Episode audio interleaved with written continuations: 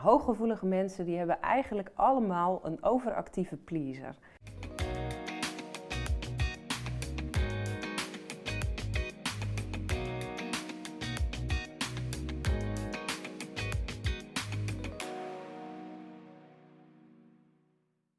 Welkom bij In de Spotlight. Vandaag heb ik Mariska Ruijsen te gast, coach en traumatherapeut.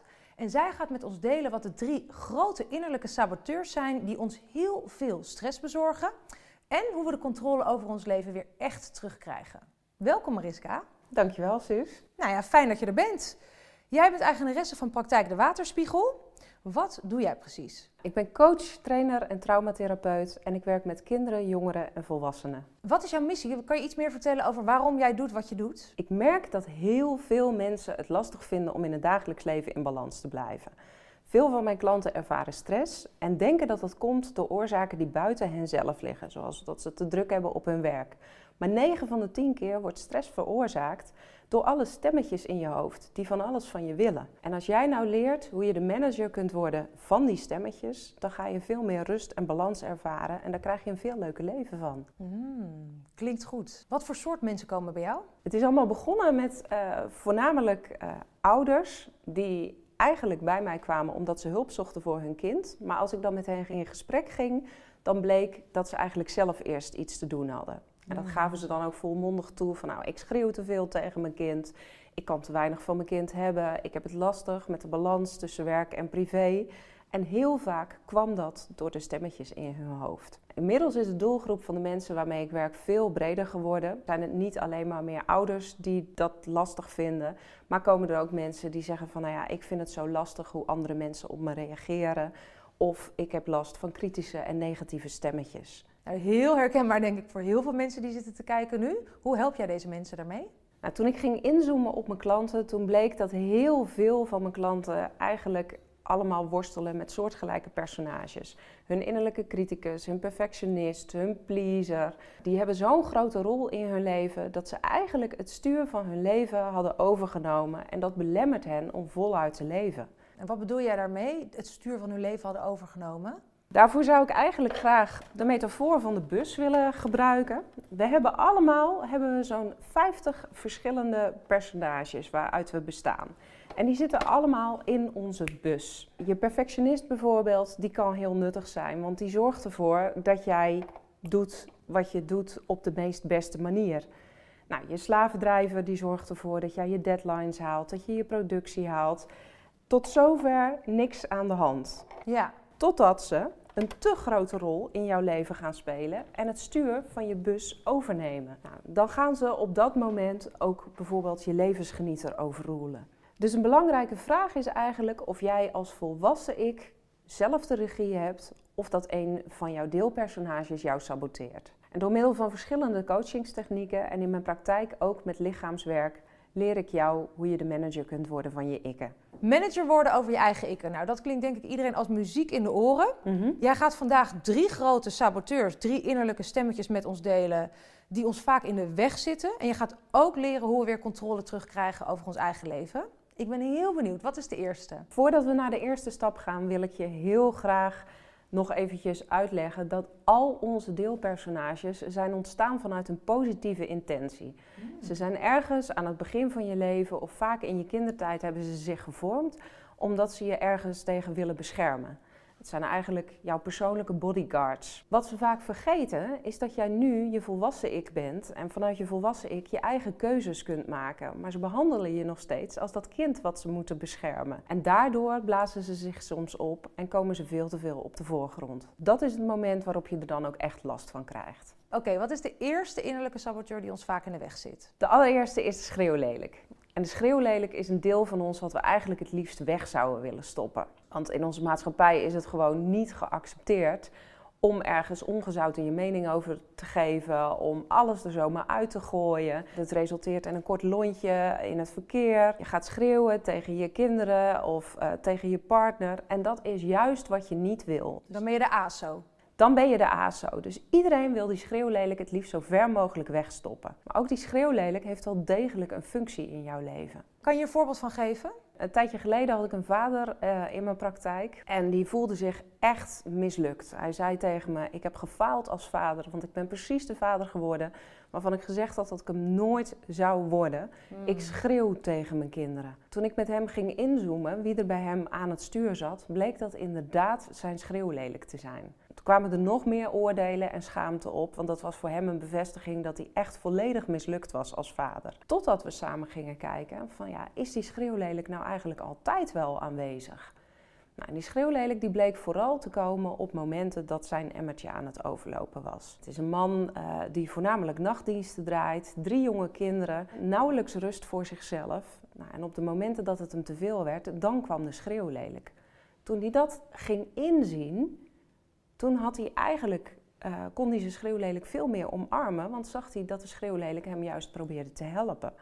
Nou, hij is dat gaan bespreken met zijn kinderen. En zijn kinderen die helpen hem nu op een hele mooie manier, want die trekken hem ook echt aan zijn jasje. Van papa, nu moet je even rustig aan gaan doen, want jouw schreeuwlelijk ligt weer op de loer. En hij is weer de vader die hij wil zijn. En jij bedoelt dus met die schreeuwlelijk die hem wilde helpen, dat eigenlijk die schreeuwlelijk een indicator was dat hij gewoon veel eerder rust moest nemen? Ja, absoluut. Voor de mensen die nu zitten te kijken, heb jij een tip hoe we met die schreeuwlelijk om kunnen gaan? Als je merkt dat je een schreeuwlelijk hebt, dan is een hele mooie vraag die je jezelf kunt stellen. Wat is de onderliggende behoefte? Wat maakt nou dat ik me zo narig voel dat ik dat schreeuwen niet meer kan onderdrukken? Ik zal een voorbeeld geven van mezelf. Als ik in de auto zit, uh, lange autorit en uh, mensen voor me die rijden niet snel genoeg door, ja, dan komt mijn schreeuw lelijk. Maar ik ben inmiddels bij mezelf gaan herkennen dat er dan ook vaak iets anders is waar ik behoefte aan heb. Dan heb ik of honger of dorst. Eigenlijk wil ik gewoon het liefst zo snel mogelijk naar huis. Mm. Dus ik zorg er nou altijd voor dat ik iets te eten of te drinken in mijn auto heb liggen. En daarmee voldoe ik aan mijn behoeften en hoeft mijn schreeuw lelijk niet zoveel ruimte in te nemen. Dus kijk voor jezelf, wat is jouw behoefte op het moment dat je voelt dat je schreeuw lelijk omhoog komt. Super interessant dit, dat was de eerste. Wat is de tweede innerlijke saboteur waar we eigenlijk heel veel last van hebben? Dat is je perfectionist. En de perfectionist, daar denken heel veel mensen van, ja, daar kan ik niks aan doen dat ik die heb, want die zal ik wel overgeërfd hebben van een van mijn ouders. Kun jij je nog herinneren de eerste keer dat je een spreekbeurt moest geven op school? Dat moest eigenlijk al perfect. Ja, ik wil dat heel goed doen met al die plaatjes en alles. ja. Ja, nou en je perfectionist die komt dan om jou dus te beschermen. Dat je gaat stotteren, gaat hakkelen voor de klas. Die wil kosten wat kost voorkomen dat kinderen jou uit gaan lachen. Hmm. Nou, zo wordt je perfectionist geboren. Dus ook weer vanuit die positieve intentie? Ook weer vanuit die positieve intentie, absoluut. Ja, je perfectionist is eigenlijk heel fijn. Want als je die hebt, dan zal je wel drie keer controleren of iets goed genoeg is voordat je het ergens inlevert. Dus je werkt heel nauwkeurig. Maar je perfectionist kan ook de andere kant op werken. Dat hij te ver doorslaat. Dat hij te ver doorslaat. En sommige mensen die komen zelfs helemaal nergens meer toe. Want als alles wat jij doet toch niet goed genoeg is, dan kun je er ook maar beter niet mee aan gaan beginnen. Ja. Dus de mensen die vaak klachten krijgen omdat ze deadlines niet halen of uh, niet productief zijn uh, op hun werk en die gezien worden als lui, dat zou best wel eens kunnen dat die een overactieve perfectionist aan het stuur hebben zitten. Waardoor ze dingen dus gaan uitstellen. Ja, heb je daar weer een voorbeeld van? Iemand die jij misschien zelf in je praktijk hebt gehad, die daar ook last van had? Ik heb een vrouw in mijn praktijk gehad met een overactieve perfectionist die haar in een burn-out had gebracht. Zij voelde zich overal verantwoordelijk voor alles op haar werk. Ze deed haar werk ook al twintig jaar, dus zij was van mening dat ze al het personeel moest inwerken en dat zij ervoor moest zorgen dat alles op rolletjes liep. Maar als ze dan thuis kwam, dan wilde ze ook nog het perfecte huishouden, de perfecte kinderen en de perfecte man. Wat ervoor zorgde dat zij dus nooit aan rust toekwam. Toen ik daar met haar naar ging kijken, toen gaf ze zelf ook wel aan: ja, maar als alles wat ik doe in mijn leven perfect moet zijn, dan heb ik dus ook nooit een moment rust. Dan heb je geen leven. Nee, dan heb je geen leven. En zij ging dus ook zien dat er veel te weinig ruimte in haar leven was voor lol. Hmm. Nou, nu heeft ze een hele rigoureuze keuze gemaakt.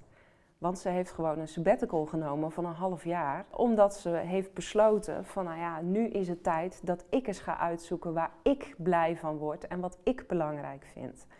Ja, en haar man en kinderen staan er letterlijk toe te juichen thuis. Die zijn zo blij dat ze nu eindelijk eens voor zichzelf durft te kiezen.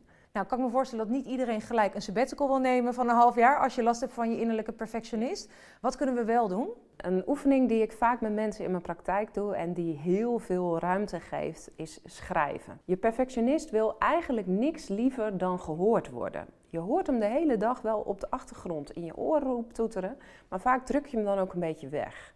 Dus ga hem maar eens een podium geven. Je wil dus die perfectionist bewust uitnodigen, dat is wat je zegt. Ja, nodig hem bewust uit en vraag hem ook heel bewust als je gaat schrijven: wie ben jij nou precies? Waarom ben jij in mijn leven? Wat wil je me vertellen? Wat vind jij nou zo belangrijk voor me? En schrijf dat maar eens op, 10 minuten aan een stuk. Ja, dus echt meeschrijven naar alles wat dat stemmetje zegt. Ja, nou, en als je dan terug gaat lezen, dan zal je waarschijnlijk zien dat heel veel van wat jouw perfectionist van je wil ontzettend irreëel is. Dus je gaat hem dan al in een ander daglicht plaatsen. Nou, als je hem dan ook nog een denkbeeldig schapenvachtje aantrekt en hem gaat zien als een blaadschaap, dan kun je de volgende keer er misschien wel om lachen als hij iets te zeggen heeft.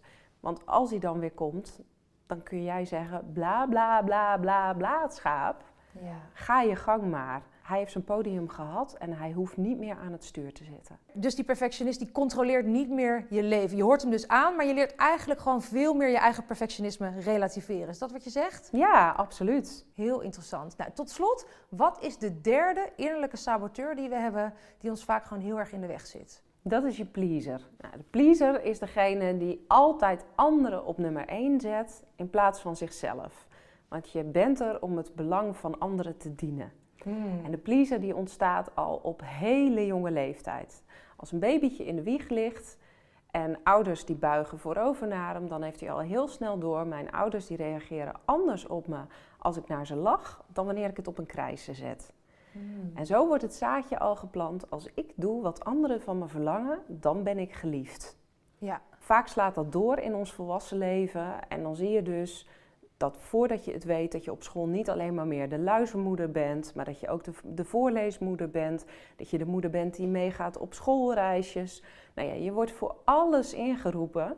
Ook dan heb je geen moment rust meer, want jij mag niet voor jezelf bepalen wanneer het nou eens tijd is voor jou. Dus die pleaser, als die aan het stuur zit, zorg je er eigenlijk voor dat je dus ook weer geen leven hebt zelf. Dat je geen controle hebt over je eigen leven. Ja. Heb jij weer een voorbeeld van iemand in de praktijk waarvan je zegt, dat was er zo eentje. Vrijwel alle mensen met wie ik werk, of dat nou particulieren zijn of de coaches en therapeuten die ik train, die zijn hooggevoelig. Hooggevoelige mensen die hebben eigenlijk allemaal een overactieve pleaser. Ze zijn op zoek naar harmonie, dus ze willen heel graag tegemoetkomen aan de belangen van anderen. En ik merk bij de coaches en uh, therapeuten met wie ik werk dat ze het heel erg lastig vinden om vanuit dat please-gedrag een fatsoenlijke prijs te vragen voor hun producten. Sommige coaches die vinden het heel spannend om meer dan 35 euro voor een coachingsessie te vragen omdat er dan meteen allerlei stemmetjes in hun actief zijn. Van ja, maar je bent er hier toch om anderen te dienen.